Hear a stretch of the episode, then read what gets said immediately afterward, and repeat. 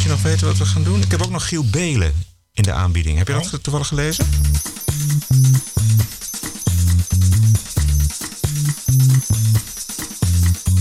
This is the TPO podcast.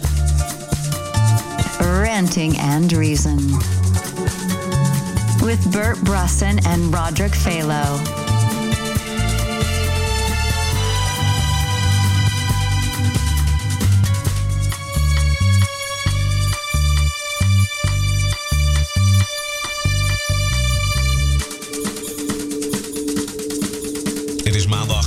17 juli. Eh, vandaag is de dag dat bekend werd dat NPO-presentator Giel Belen jarenlang verborgen bijverdiensten had. En wij vragen ons af, hoe erg is dat? Heel erg! We kijken verder naar eh, de laatste ontwikkelingen in eh, Trump-media-hysterie. En je zal ontmoeten Uncle Hotep. Dat is een vlogfenomeen uit Amerika. En verder zien we wel wat er nog allemaal ter tafel komt. Hartelijk welkom bij aflevering nummer 24. This is the TPO podcast. Goedenavond Bert. Ja, goedenavond Roderick. Het is weer warm. Je hebt hier dat eh, hokje van je nog warmer gestookt. Eh, het voordeel daarvan is dat mijn stem ook warmer klinkt. Juist.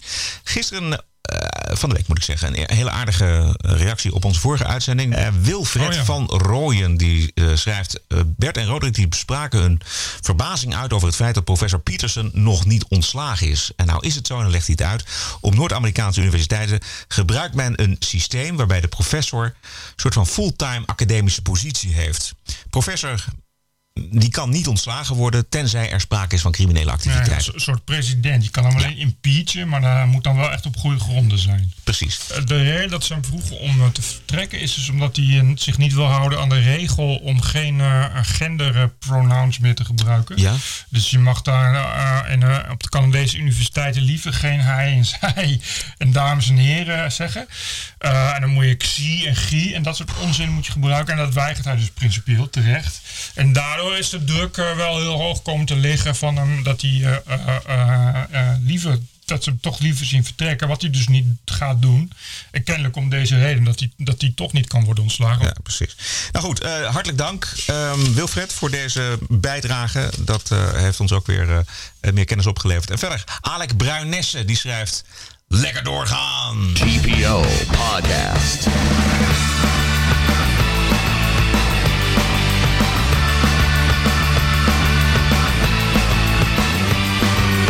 Ranting and Reason. RTL Nieuws meldt dat Giel Belen zeven jaar lang ongemerkt heeft kunnen bijverdienen bij de NPO. Het valt af te leiden uit documenten die de ministeries van Binnenlandse Zaken en Koninkrijksrelaties en Onderwijs, Cultuur en Wetenschap hebben vrijgegeven na een beroep op de wet openbaarheid van bestuur. Belen, die als presentator bij BNN-Vara 440.000 euro per jaar verdiende, glipte voor zijn NPO-bijbaan door de mazen van verschillende wetten.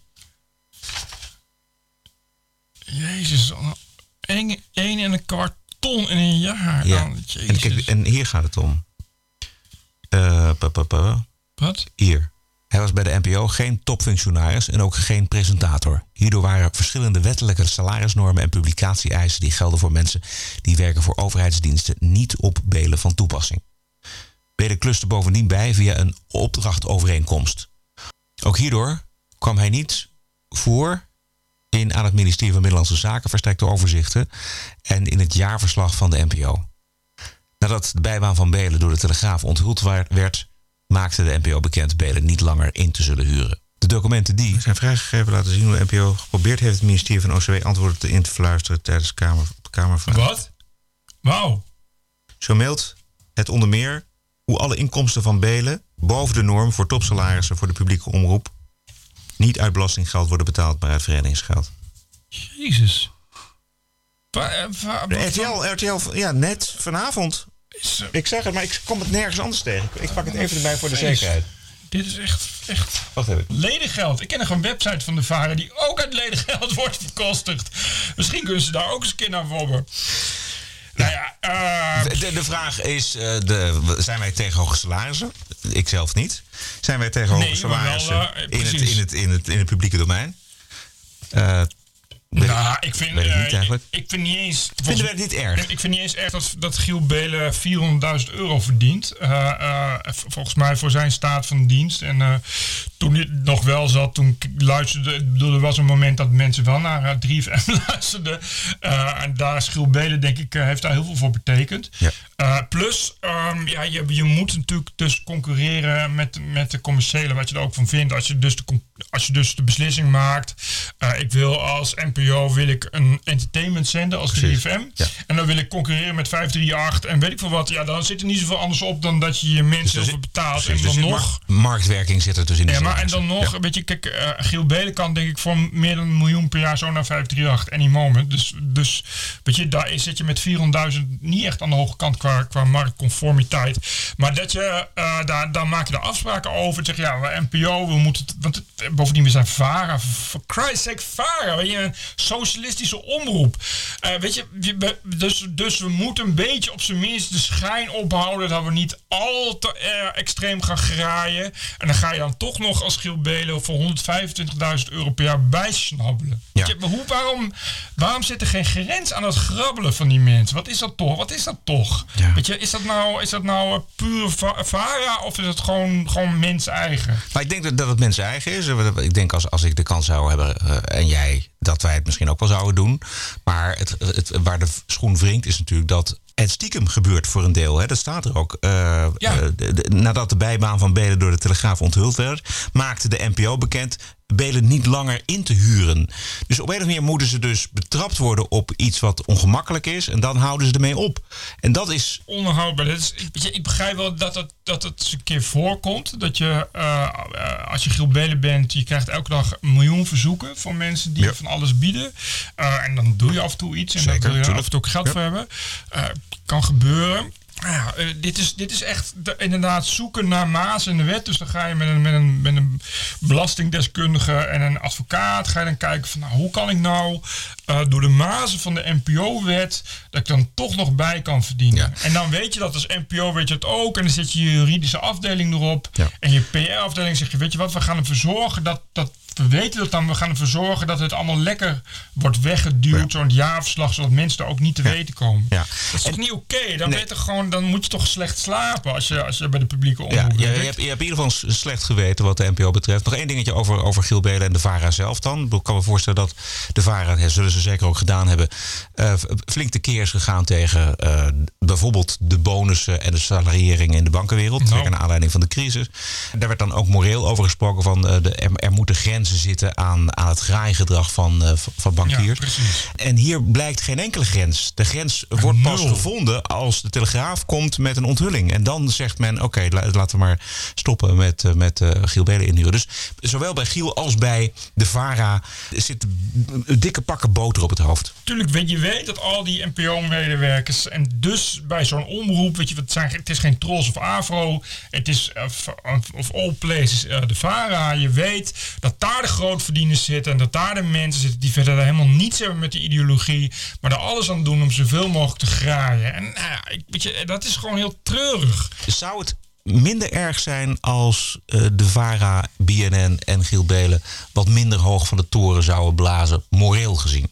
Ja, tuurlijk, maar dat is ook het probleem. Want dat, dat hebben we ook in de politiek.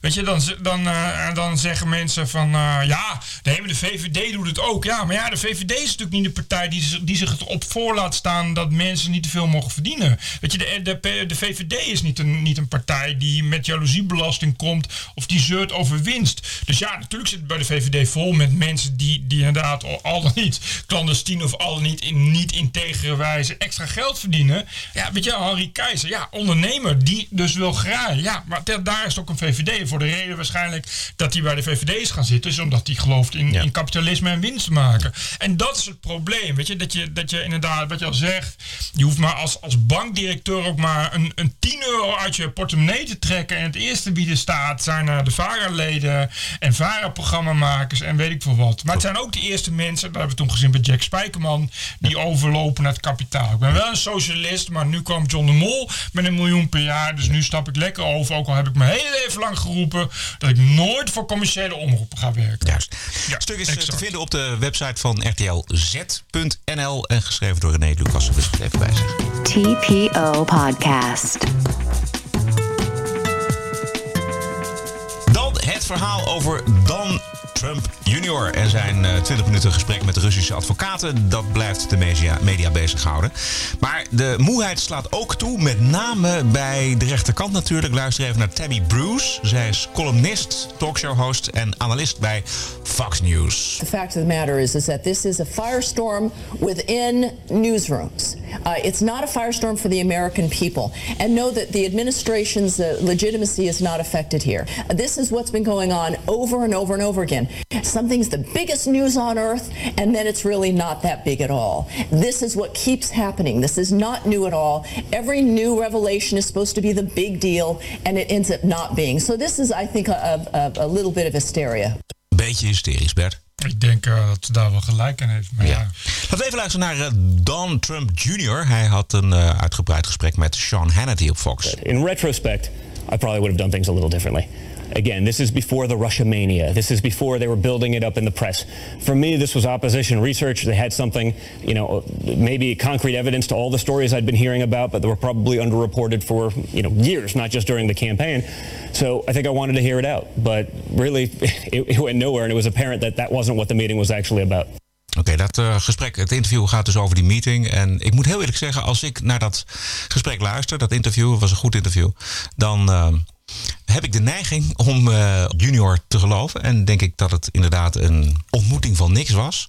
En dat hij heel erg graag wilde dat er wat uh, sappige uh, modderverhalen over Clinton naar boven kwamen. Die, die kwamen er niet, die hadden ze niet. Dus ik geloof dat een van de medewerkers van Trump, die, die heeft 20 minuten op zijn telefoon zitten kijken, was niet geïnteresseerd. Jared was na zeven minuten al weg, het interesseerde hem niet meer. En deze Junior die, heeft, die is gewoon blijven zitten en die heeft daar een soort van beleefdheid nog uh, deze mevrouw aangehoord en is toen uh, vertrokken. Dat is zijn verhaal. En ik moet, als je ook kijkt naar zijn beelden, kijk ik ook heel erg naar de man zelf en hoe hij praat. En uh, ja, dan, nou, kijk, ik heb het zelf maar een keer terug, Bert. Ik weet niet of je het gezien hebt. Nee. Maar dat is allemaal terug te vinden op YouTube. En Volgens mij is er uh, werkelijk uh, ja, ik geloof niet hem, zoveel ik, aan de hand. Ik geloof hem ook, maar ik durf dat niet hardop te zeggen. Nee, ik denk, nee. Uh, nee. Voor twee keer ja, je aan. Linker zoekt dit, hè? Dit is geen... Of Jan Kuitenbrouwer gaat een column over je schrijven in de NSC. Dat moet je toch... Nee, het is... Bedoel, het is bedoel, ik ben het met je eens. En waarschijnlijk is dat ook zo. Maar ja, we zijn nu al zo... De nieuwsmedia, zeker de linkse nieuwsmedia in de VS... zijn nu al zo ver geperverteerd... dat het inderdaad... ja, waarheid wordt nu wel heel, heel beetje ondergeschoffeld. Van ja, het zal dan wel waar zijn. Uiteindelijk is het natuurlijk het verhaal dat, er, dat hij een vriend heeft of een kennis. Uh, dat is een Engelsman. Uh, en die zei van, nou, ik heb uh, contacten met een uh, Russische... en zij zegt dat ze informatie heeft ja, over Clinton. Ja, precies. Dus, dus iemand, een broer van de vriend van ja. de kapper... die heeft, uh, ja. heeft informatie over Clinton. En, en waarschijnlijk was het inderdaad... ja, dus is een pizzeria.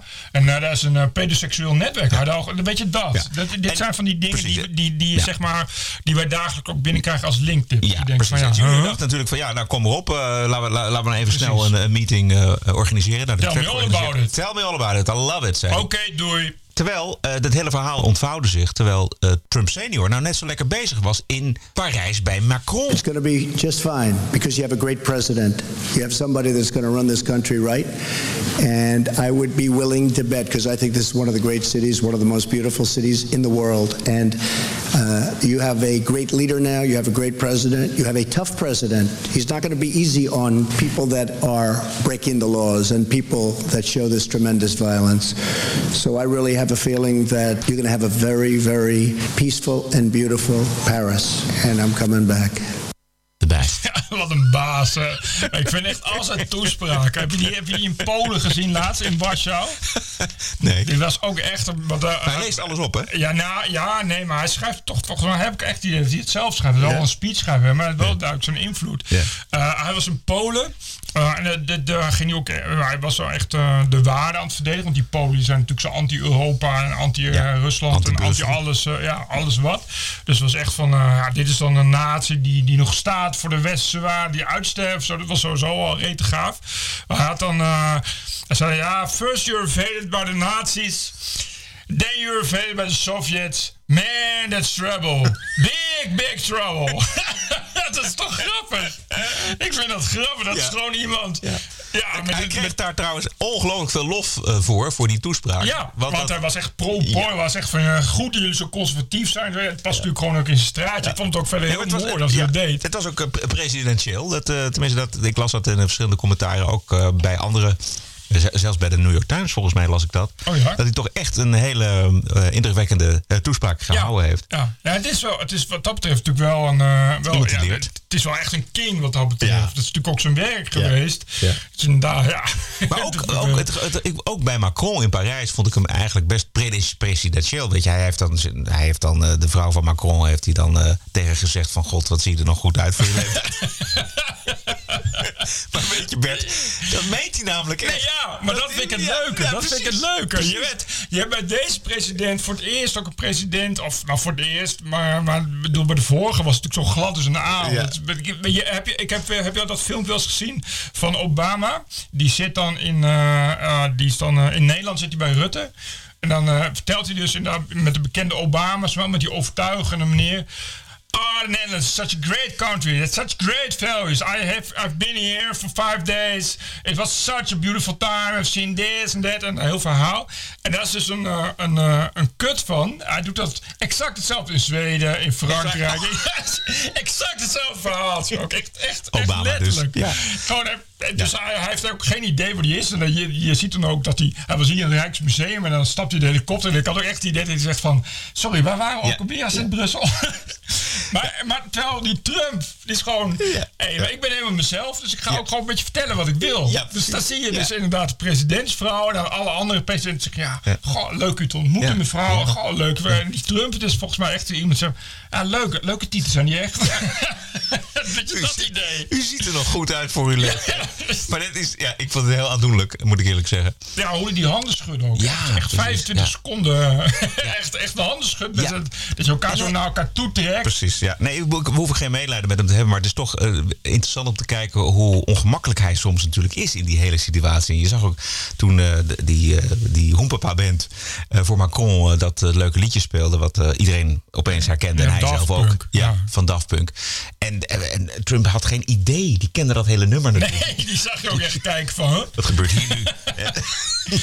Nou ja, dat is, ik, maar ik vind het wel. Ik vind het wel. Het, hebben, is, het maakt hem wel, vind ik, sympathiek. Maar goed, ik heb natuurlijk een zwak voor eh, authentieke mensen die het, die het uit zichzelf doen. Ik heb, ik heb niks met het glibberige en, eh, en, en eh, dat, dat, dat, dat, beetje dat slijmerige. Ja, het is allemaal zo gemaakt. Zo, Ja. Nu zien die mensen gewoon een president nou ja, die gewoon zijn zoals zij zijn. Ja, Die- precies. hij heeft ook leuk weer gehad. Laatst het gezien. Die, eh, er staan van die mariniers bij die helikopter. En eentje waar dus een pet Ja, af. geweldig, ja. Dat is, dat is toch mooi. Ja, dat vond ik ja. echt mooi. Dat Ja, pak je die pet pakt nog een keer. en die waait dan af.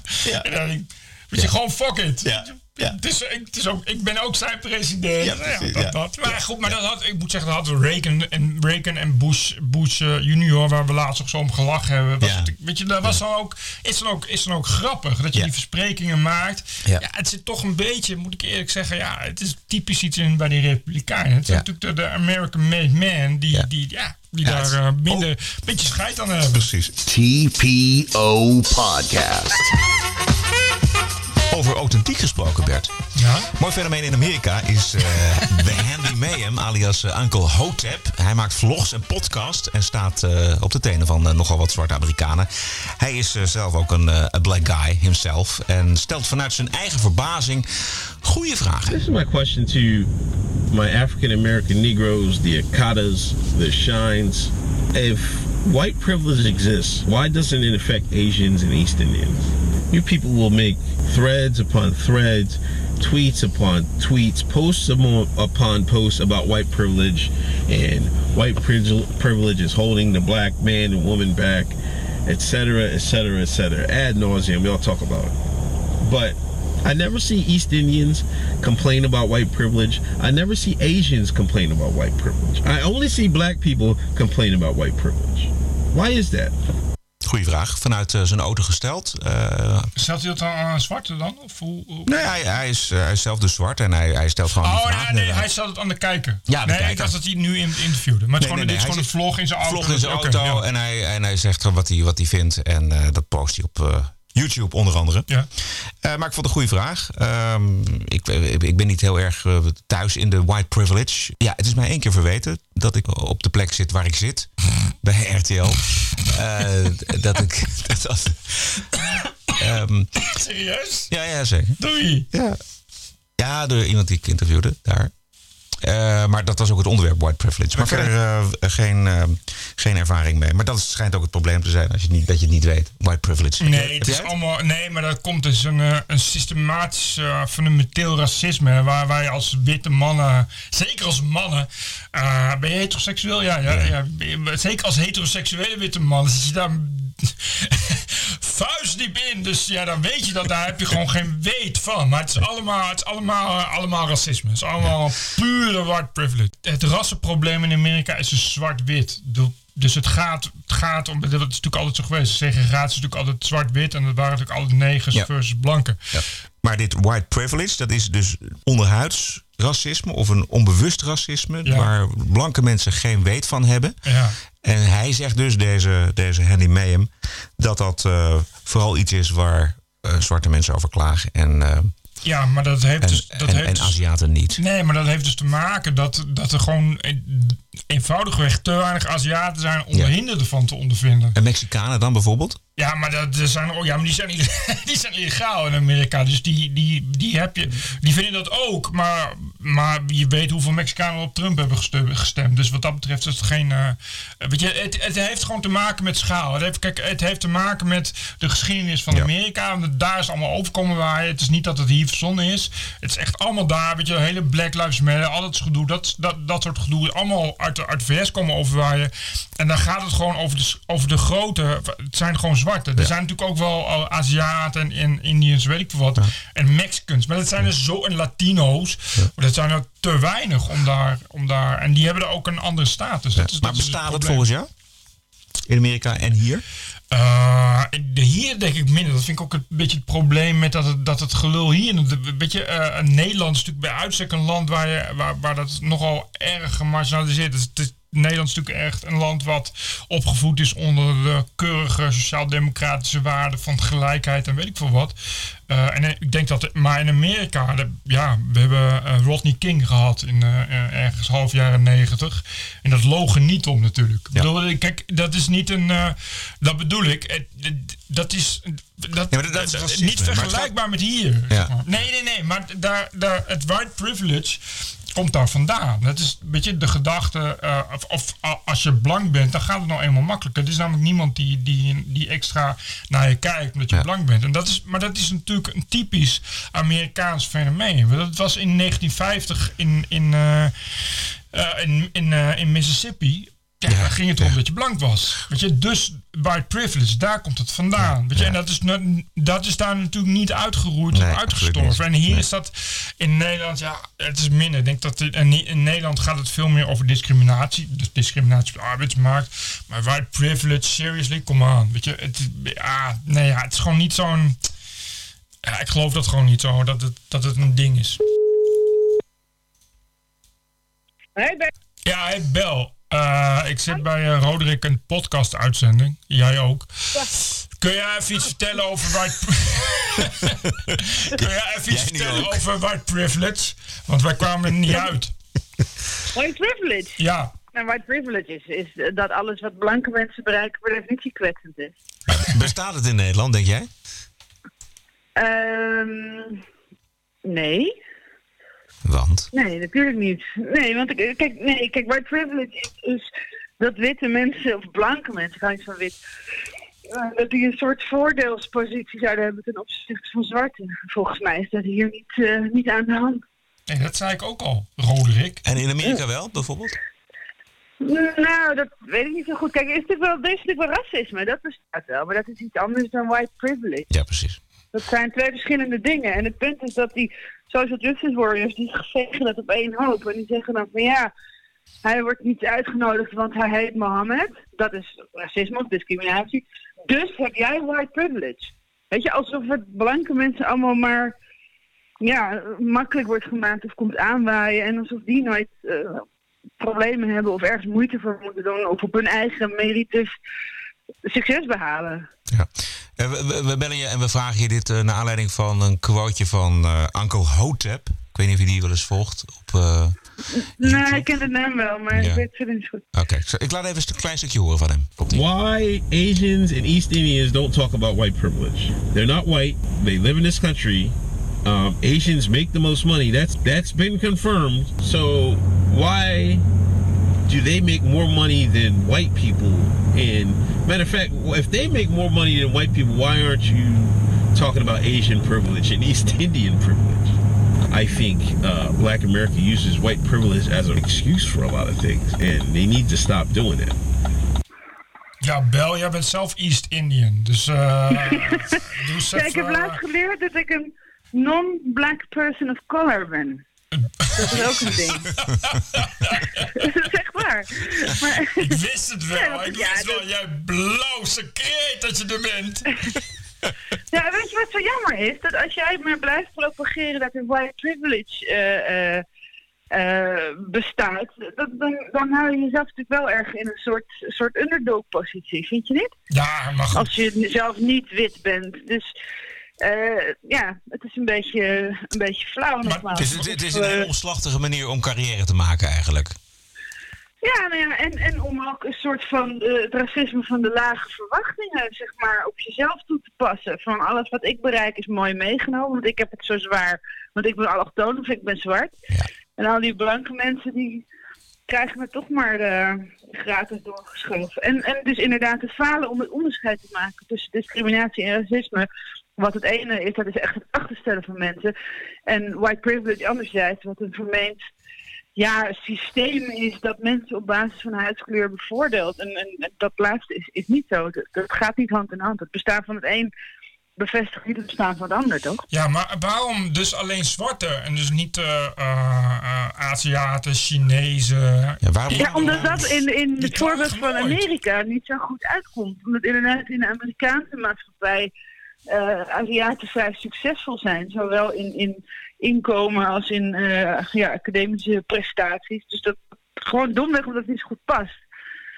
Ja. Dat, willen, dat, dat, komt, dat is altijd met social justice. Dat is altijd... Net klopt het niet helemaal. Want dan hebben ze zo'n construct bedacht waarin ze weer slachtoffer kunnen zijn. En als er dan een uitzondering op is, dan is er altijd weer een jammer. Of dan is er altijd weer een Engels woordje. Of dan is er altijd weer een, een educate yourself. Nou, en wat heb jij uh, gekookt? Iets met uh, rijst? Rundvlees? Nee, maar geen rijst. Uh, ik, ik heb cultural appropriation gedaan vandaag van spaghetti. Oh, oh, oh ja, nee. Ja, kijk, kijk, ja. Kijk, ja, ja. ja. Ja. Dus ja, daar ga je al. Ja, dan zitten jullie daar met je spaghetti eten met jullie sombrero op. Ja, ja. lekker Maar ja, misschien als non-black person of color heb ik wel dat, dat recht. Kijk, uh, jij hebt je white privilege, maar ik mag dan een beetje cultural appropriation toepassen ja. in mijn menukeuze. Oké, okay, Annabel, dankjewel. Ja, bedankt Bel. We hebben, dit, is, dit is onze bonus track, ja, dankjewel. Dat was weer lastig. Oké, okay, later. Hoi. Schatje. Moest ik, oh, nee, maakt niet uit. Goed. Volgende keer misschien weer Duk in de uitzending. Dit was aflevering nummer 24. TPO Podcast is iedere week te vinden op Facebook, Soundcloud, YouTube, iTunes en de TPO website. Dinsdag beschikbaar. Elke dinsdag, iedere week reageren lof of laster graag op onze Facebookpagina. Heb een mooie week en tot de volgende. Doei. TPO Podcast. Bert Brussen, Roderick Balo. Ranting and Reason.